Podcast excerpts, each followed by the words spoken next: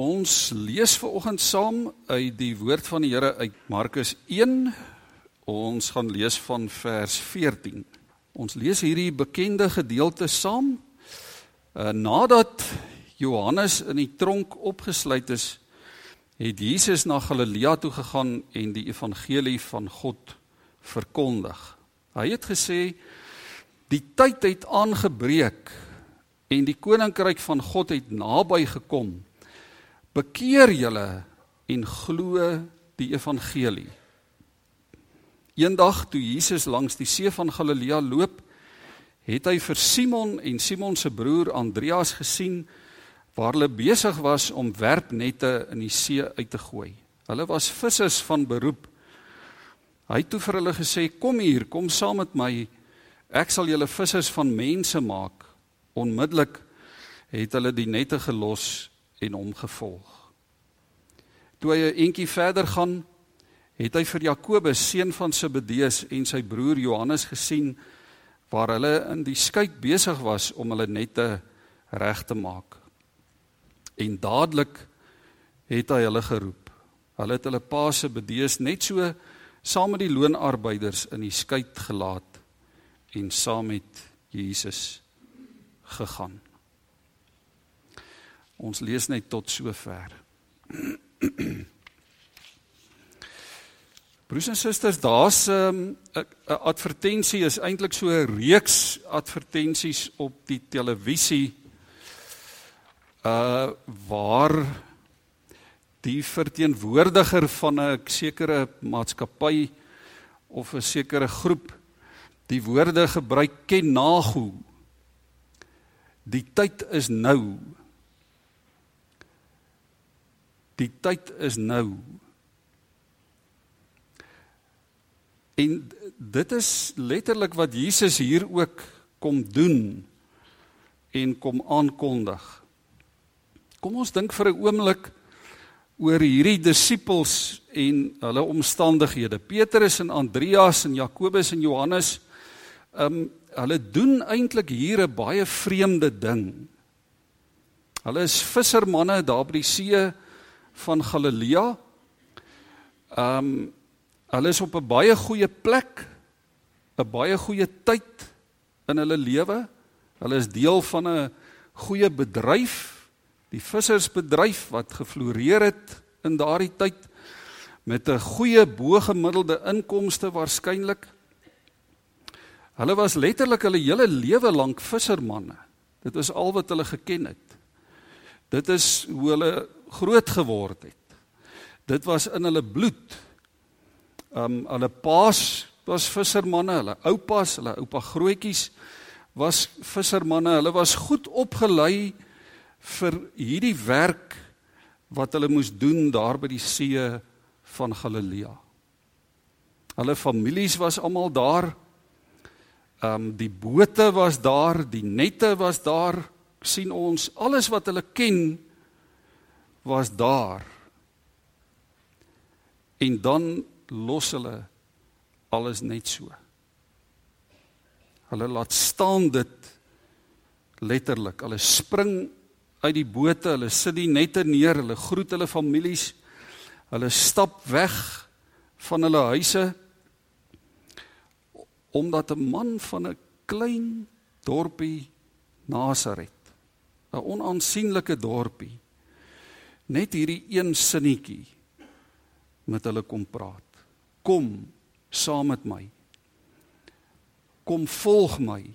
Ek sal julle vissers van mense maak. En 'n mens vra onwillekeurig maar hoe gebeur so iets? Hoe gebeur dit dat vier mense wegloop van alles wat vir hulle sin en waarde en betekenis het Dit wat hulle oor tyd en oor geslagte, oor dekades met 'n harde werk bymekaar gemaak het. Dit wat hulle bloed, sweet gekos het. En hulle loop agter 'n skrynwerker aan wat net 'n net 'n paar woorde met hulle kom praat. Hoe is dit dat hulle in 'n oomblik soveel waag om vir Jesus te volg. Ek dink daar kan ver, verskillende redes wees, né? Waarskynlik of moontlik kon hulle gehoor het hoe Johannes die Doper preek oor oor Jesus se koms. Hulle was ook goeie Jode en hulle die Ou Testament baie goed geken. Hulle die geskrifte en die profete geken. Hulle daarmee groot geword. So hulle het geweet van al die voorspellings oor die Messias wat sou kom. En dalk was dit dat hulle in afwagting gewag het op daai oomblik. Dit kon wees dat hulle gehoor het alhoewel dit onwaarskynlik was dat Jesus toe al wonderwerke gedoen het, maar dat hulle gehoor het van Jesus wat begin preek het en begin wonders doen het. Ehm um, Die vraag is hoekom? Hoekom het hulle ja gesê? Dalk het Jesus hierdie buitengewone charismatiese persoonlikheid gehad dat hy hulle dat hy hulle met een sinnetjie letterlik kon ooreed en hulle kon oorweldig. Hoekom sê hulle ja? Want dit was God se tyd vir hulle. Dit was God se oomblik vir hulle. Dit was God se kairos tyd. Hulle het self nie geweet hoekom nie hoekom hulle ja sê nie, maar God het geweet. En die gees van God was besig om te werk. Die gees van God was besig om rondom hulle te werk, om binne hulle in hulle te werk, om 'n pad voor te berei. Dit was God se tyd vir hulle. Nou, ek dink ons het dit al gehoor. Maar daar's twee Griekse woorde vir tyd. Die woorde kronos en kairos. Basies hierdie twee, daar's ook horos. Maar basies hoofsaaklik hierdie twee woorde, kronos en kairos.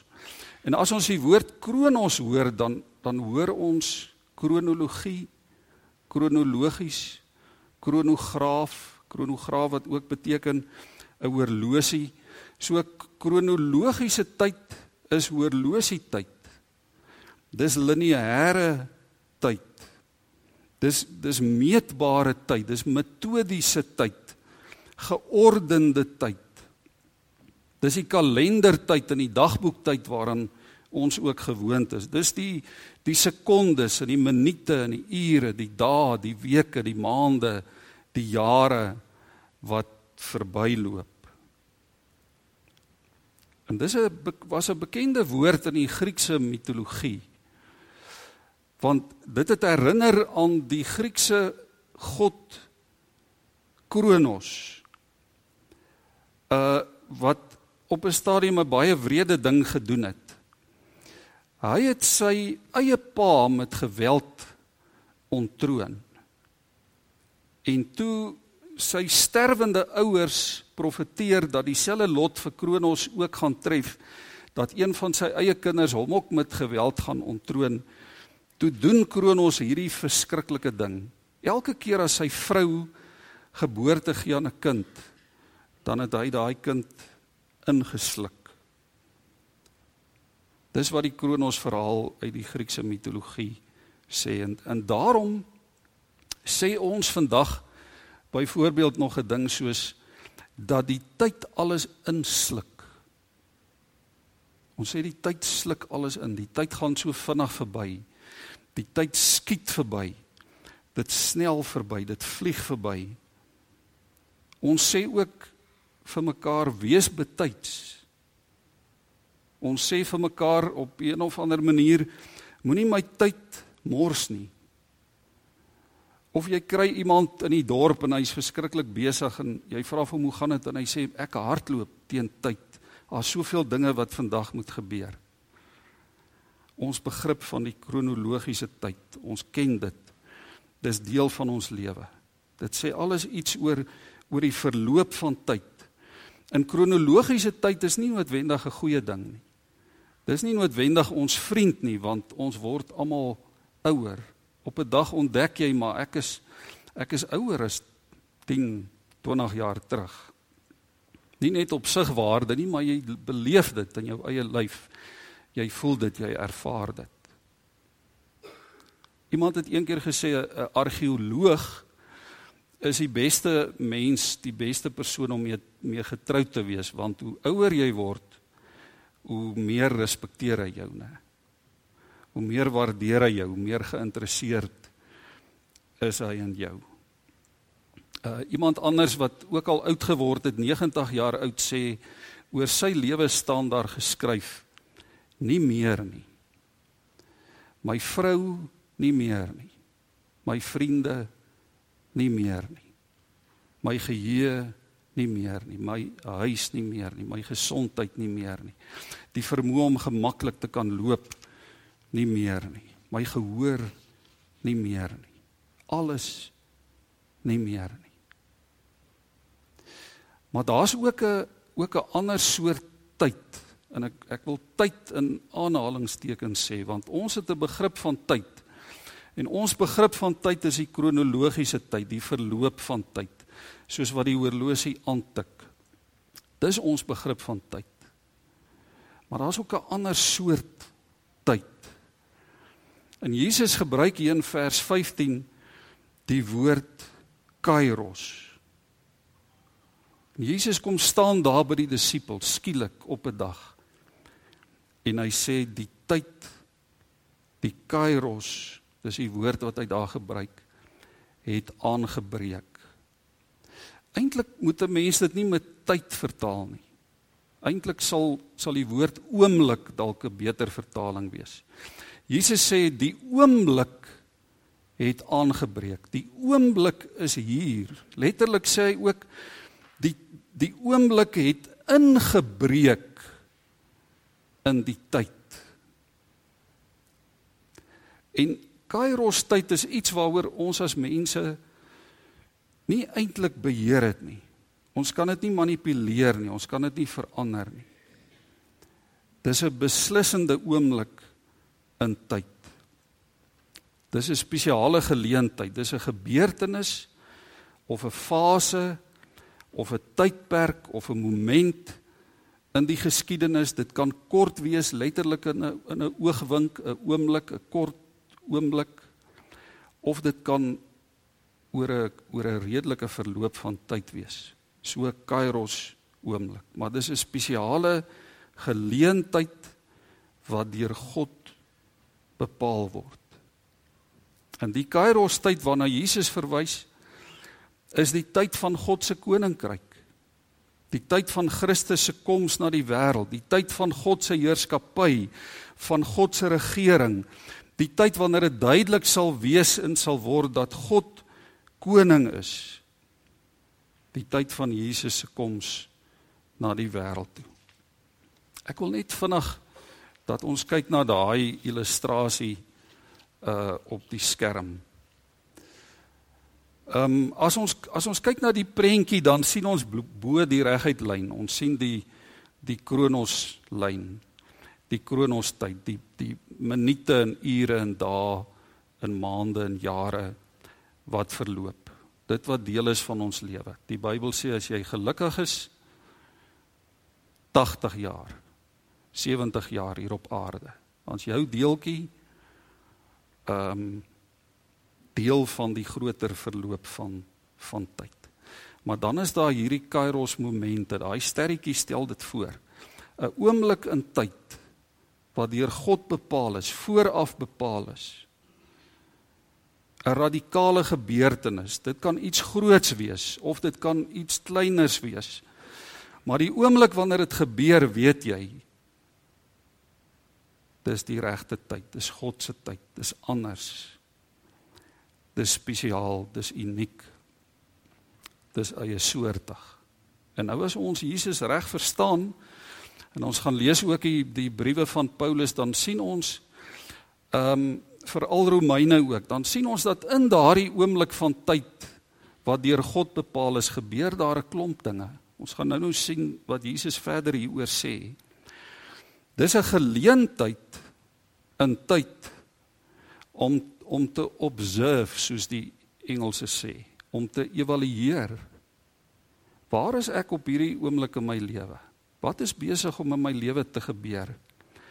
om bietjie na te dink oor jou omstandighede, oor jou eie kleiner persoonlike wêreld, maar ook oor die wêreld rondom jou, miskien die groter wêreld ook, om waar te neem, om te gaan voorraadopname doen, observe. En dan is dit ook 'n tyd om te reflect, om selfondersoek te doen.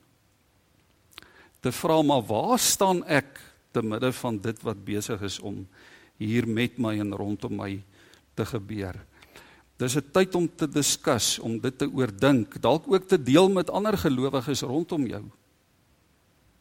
Met 'n vertroueling, iemand wat saam met jou die geloofspad loop. Dan is dit 'n geleentheid om te plan, om te oorweeg, om te besef maar ek kan nie hierdie tyd net laat verbygaan nie. Ek kan nie hierdie geleentheid net laat verbyloop nie. Dis te groot, dis te geweldig. En dan 'n geleentheid om te account, om te verreken. Om te verreken. Wat as ek hierdie pad loop? En wat as ek nie hierdie pad loop nie? En dan moet jy besluit. Dan moet jy act. Saam met Jesus in hierdie geval of om voort te gaan met dit waarmee jy besig is. En dan sien ons in daai binneste sirkeltjie die kruis en aan die een kant staan daar repent uh bekering en aan die ander kant geloof belief. In dit alles is dit 'n geleentheid vir vir besinning, vir bekering, tot inkeer kom en 'n hertoewyding in geloof aan God. Of aan die besluit wat jy dan neem die pad wat jy dan kies om te loop.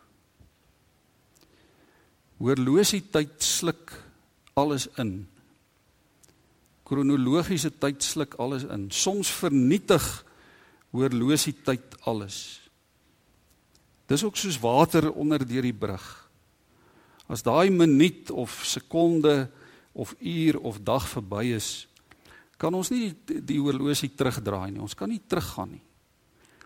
Is deel van die verloop van die lewe. Dit wat verbygaan. Maar kronologiese tyd is nie die einde van alles nie. Want daar's daar's God se se tyd. Daar's God se kairos tyd.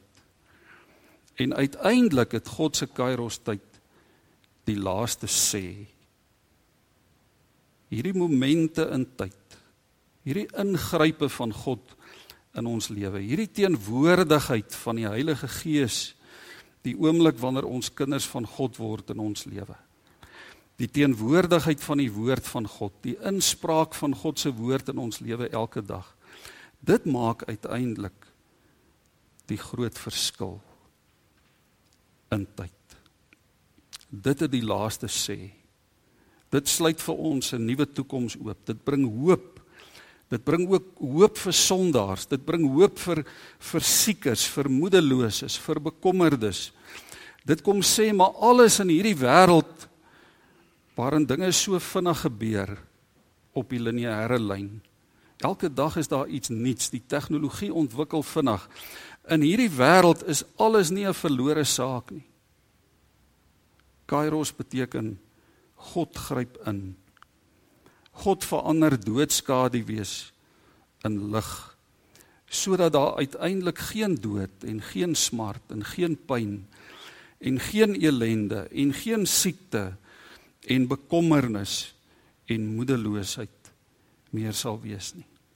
God het mag oor alle magte.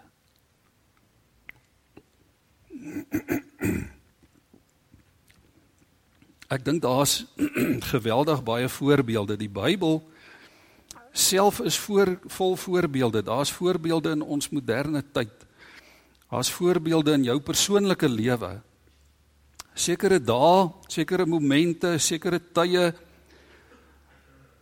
waar jy iets beleef wat net anders is. Wat net buite die normale verloop is. En jy weet maar dis spesiaal. Dis anders, dis God se tyd. As ons dink aan die Bybel, dink maar aan Abraham. Abraham leef sy lewe van dag tot dag. Jaar vir jaar. Later swerf Abraham deur die woestyn. Dag vir dag vir dekades lank. En dan God se Kairos tyd. Die oomblik toe Isak gebore word. Die oomblik van God se belofte van van 'n nuwe lewe, 'n nuwe toekoms, 'n nuwe land, 'n nageslag. Dawid is nog jonk. Elke dag as die son in die oggend opkom, dan stap hy, gaan hy met die skape uit veld toe. Hy pas skape op sy hele lewe lank, van dag tot dag, uur vir uur. Week vir week in die aand kom hy weer terug kraal toe met die skape. En op 'n dag staan daar 'n reus voor Dawid. Kairos tyd. Die priester Eli. Hy werk daar by die tempel. Hy doen sy werkies daar, hy hou die tempel netjies, alles is mooi ordelik en agter mekaar. Hy ontvang die offerdiere van die volk en hy bring die offers, die brandoffers, die wierookoffers dag vir dag, week vir week, maand vir maand, jaar vir jaar. En op 'n dag kom daar 'n vrou met die naam Hanna en haar seentjie Samuel. God se Kairos tyd. Die begin van die jaar het ons gehoor van Nehemia Nehemia werk daar in Persië in diens van die Persiese koning. Hy is sy raadgewer, hy is sy persoonlike skinker. Hy skink vir die koning wyn, hy luister na die koning se stories. Soms gee hy raad, ander kere neem hy deel en op 'n dag hoor hy van die ellende in Jerusalem. Die mure lê lê nog steeds vervalle. Die stad is in pyn, sy mense leef in haaglike omstandighede. God se Kairos tyd. Paulus hy word groot in 'n in 'n goeie Joodse huis. Van kleins af lees hy die Torah, die wet van God. Hy word onderrig in die wet en die profete in die geskrifte. Hy, hy's 'n goeie toegewyde Jood. Hy gaan na die sinagoge, later 'n toegewyde Fariseer. Hy vervolg die Christene met alles tot sy beskikking en op 'n dag op pad na Damaskus. Kairos tyd. God se tyd vir hom. Vier vissermanne. Hulle spoel hulle nette uit by die see van Galilea. Hulle werskaf daar by die boot hulle is besig met hulle gereedskap besig om die nette reg te maak. Daar's sand tussen hulle tone Die reuk van vis hang in die lug. Miskien was dit 'n maandag of 'n donderdag, 9:00 die oggend, 2:00 die middag. Wie weet. En skielik staan hy daar. Die man uit Nasaret. Kairos tyd. God se oomblik in tyd. Hoor wat sê Jesus nog. Ek dink baie keer lees ons dit lees ons hierby verby. Uh ons kom by die vers waar waar Jesus uitnooi en sê kom volg my en dan loop die disippels agter Jesus aan. Ons preek baie daaroor. Maar ons mis maklik hierdie vers. Hoor wat sê Jesus? Hy sê God se tyd het aangebreek. God se oomblik het ingebreek in tyd. Bekeer julle en glo die evangelie. God se oomblik is is altyd 'n oomblik vir groot besluite. Radikale groot besluite. God se kairos tyd gryp in in mense se lewens. Dit verander mense. Dit laat niks dieselfde bly nie. Dit vra reaksie, dit vra bekering. Dit vra geloof, dit vra hertoewyding, 'n herverbintenis. Dit vra dat jy en ek vir onsself ernstig vra voor die Here, waar staan ek in my verhouding met God? Waar staan ek in my geloof? Hoe lyk die geloofspad wat ek loop? Om tot bekering te kom is om te glo. En om te glo is om tot bekering te kom. Dis hierdie ritme in God se plan met ons lewe. En God sny in ons tyd in, in ons persoonlike omstandighede, in ons wêreld in met hierdie oproep tot bekering en geloof en heroriëntasie en hertoewyding. Dis twee kante van dieselfde muntstuk. Petrus en Andreas en Jakobus en Johannes hulle het waarskynlik geen vorige ondervinding met Jesus gehad nie. Geen vorige ervaring nie. Hulle het hom van geen kant af geken nie. Dalk hier en daar moontlik iets gehoor. Moontlik. Tog laat staan hulle alles. Hulle laat staan die bekende vir 'n nuwe toekoms, 'n nuwe lewe saam met hom. Dit was asof Kairos of of Kronos tyd, die oorlosie tyd vir hulle relatief geword het. Dit het nie meer vir hulle saak gemaak nie. Die ritme van hulle lewe het totaal verander. Dis versteur deur God se ingrype, maar dit was goed vir hulle.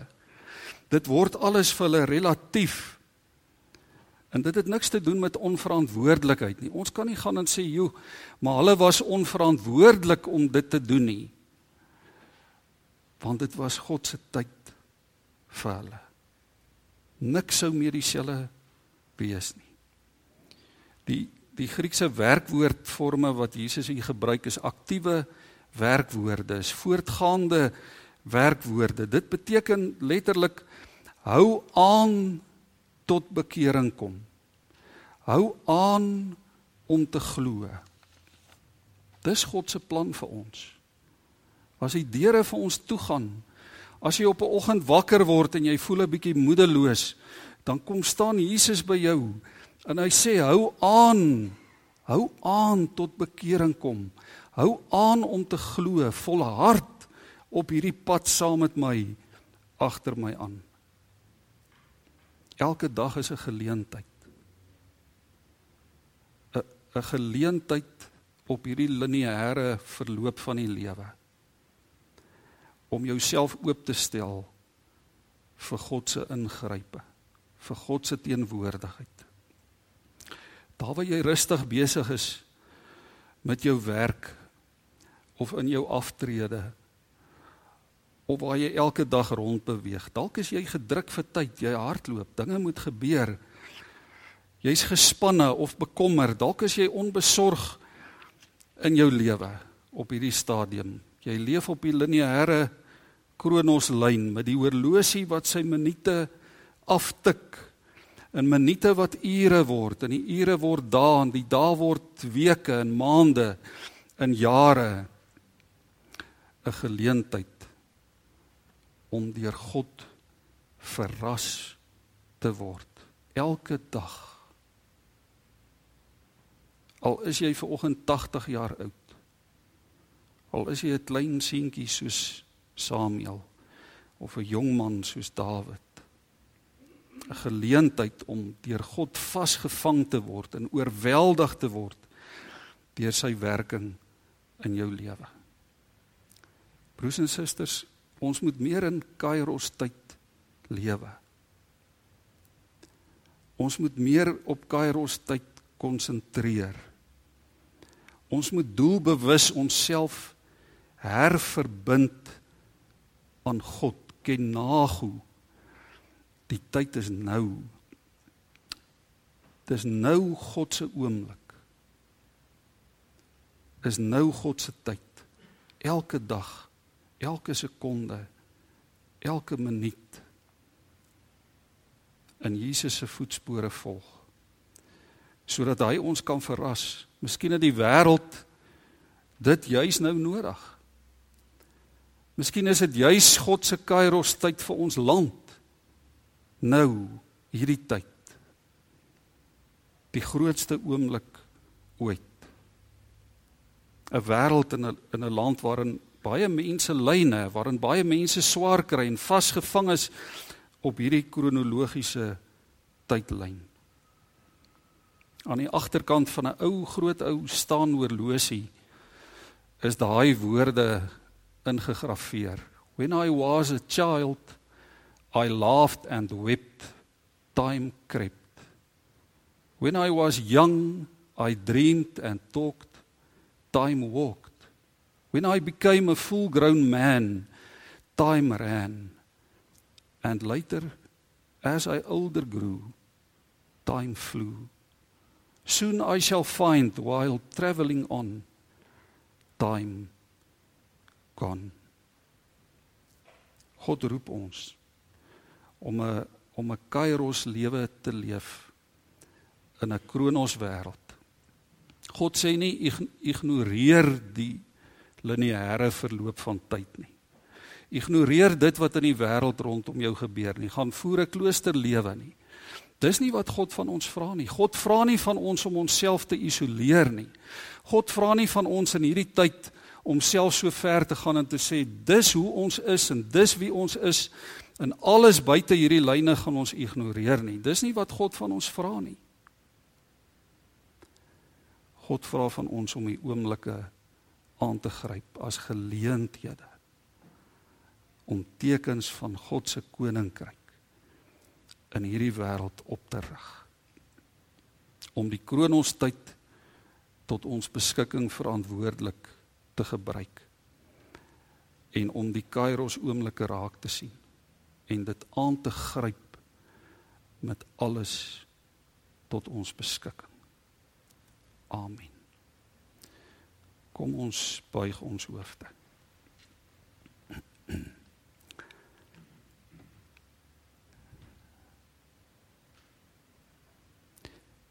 Here, dankie vir hierdie oomblik. Dankie dat ons weet die tyd behoort aan U. Here, vir ons as gelowiges behoort die horlosie tyd aan U. Elke sekonde van elke dag. Maar Here, ons vergeet dit so maklik. Ons hart loop teen tyd. Ons voel mense mors ons tyd. Ons moet oral betyds wees. Ons is bekommerd oor die tyd. Ook die tyd waarin ons lewe. Here soms laat ons toe dat hierdie lineêre verloop van tyd ons oorweldig en vir ons te veel en te groot voel.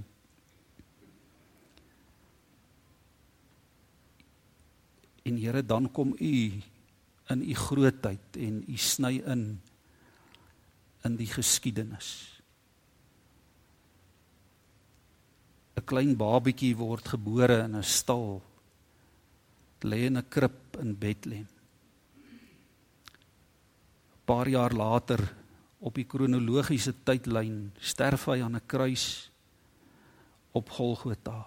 3 dae later staan hy op uit die dood as die oorwinnaar. Ook die oorwinnaar oor die tyd. Here, dankie dat U dit elke dag in ons lewens doen.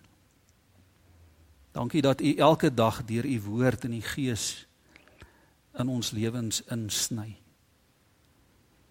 Here, baie keer doen U dit op radikale maniere. Is dit so groot, Here, dat dit ook 'n 'n wye effek en uitwerking het. Dat dit uitkring soos 'n groot klip wat ons in die water gooi. Ander kere is dit klein rimpelings. Dankie dat U besig is. Dat ons dit weet en dat ons dit kan ervaar. Here gee dat ons elke môre as ons ons oë oopmaak so afhanklik van U sal wees, Here, so in afwagting sal lewe dat ons hierdie oomblikke beleef. U grootheid beleef en dit ervaar. Here ons bid dat U ons sal aanraak deur U Gees. Ons bid vir elke sieke, ons bid vir elke bekommerde. Here ons bid vir ons land in hierdie tyd in aanloop tot 'n verkiesing en in die tyd daarna. Here dit is so 'n belangrike tyd in ons land se geskiedenis. En ons is deel daarvan. Here help u kerk, help gelowiges om getrou te wees. Ook aan u en aan u woord.